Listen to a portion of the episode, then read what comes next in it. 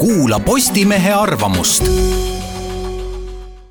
Postimees kolmekümne esimesel oktoobril kaks tuhat kaheksateist.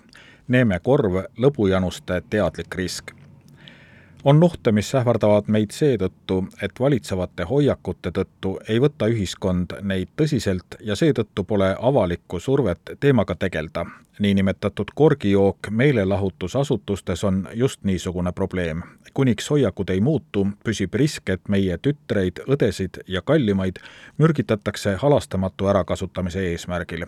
hea kolleegi Helia Sillamaa ajakirjanduslik eksperiment Postimees kolmekümnendal oktoobril näitas, kui tõenäoline see on, liiga tõenäoline.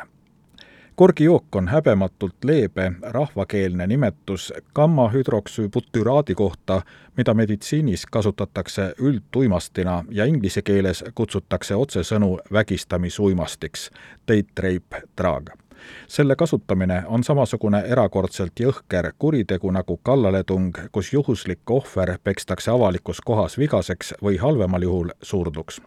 ööklubid väidavad, et neil on raske aine sissetoomist takistada. politsei väidab, et juhtumeid õieti pole. ohvrite lood on jõudnud ajakirjandusse, sotsiaalmeediasse, foorumitesse, ent ühiskonna reaktsiooni ei järgne. Aures habent et non audient. kõrvad on, aga ei kuule ei ole vaja asja ebaproportsionaalselt suureks puhuda ja inimesi hirmutada, ütleb Põhja prefektuuri narko- ja organiseeritud talituse juht Rait Pikaro Postimees kolmekümnendal oktoobril.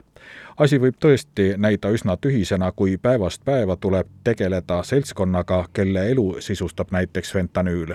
paraku nii aina tugevdatakse hoiakuid, millest keskne ütleb, et kõrtsi ja ööklubisse minekul võetakse teadlik risk varahommikune või hilisõhtune tänaval kõndimine on teadlik risk. vägistati, äkki hoopis ise tahtis.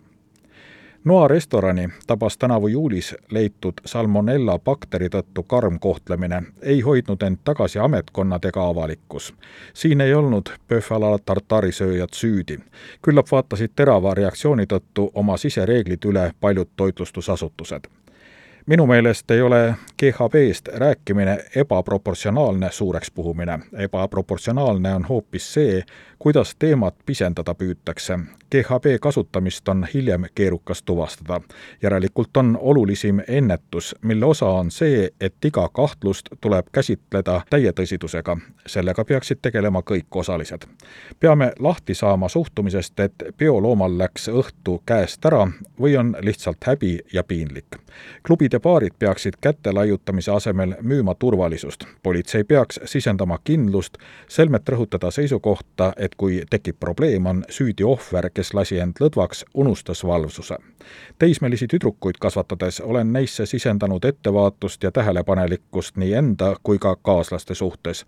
kuid rääkida neile klaasi vee tellimisest kui turvariskist, muutub kogu jutt naeruväärseks paranoiaks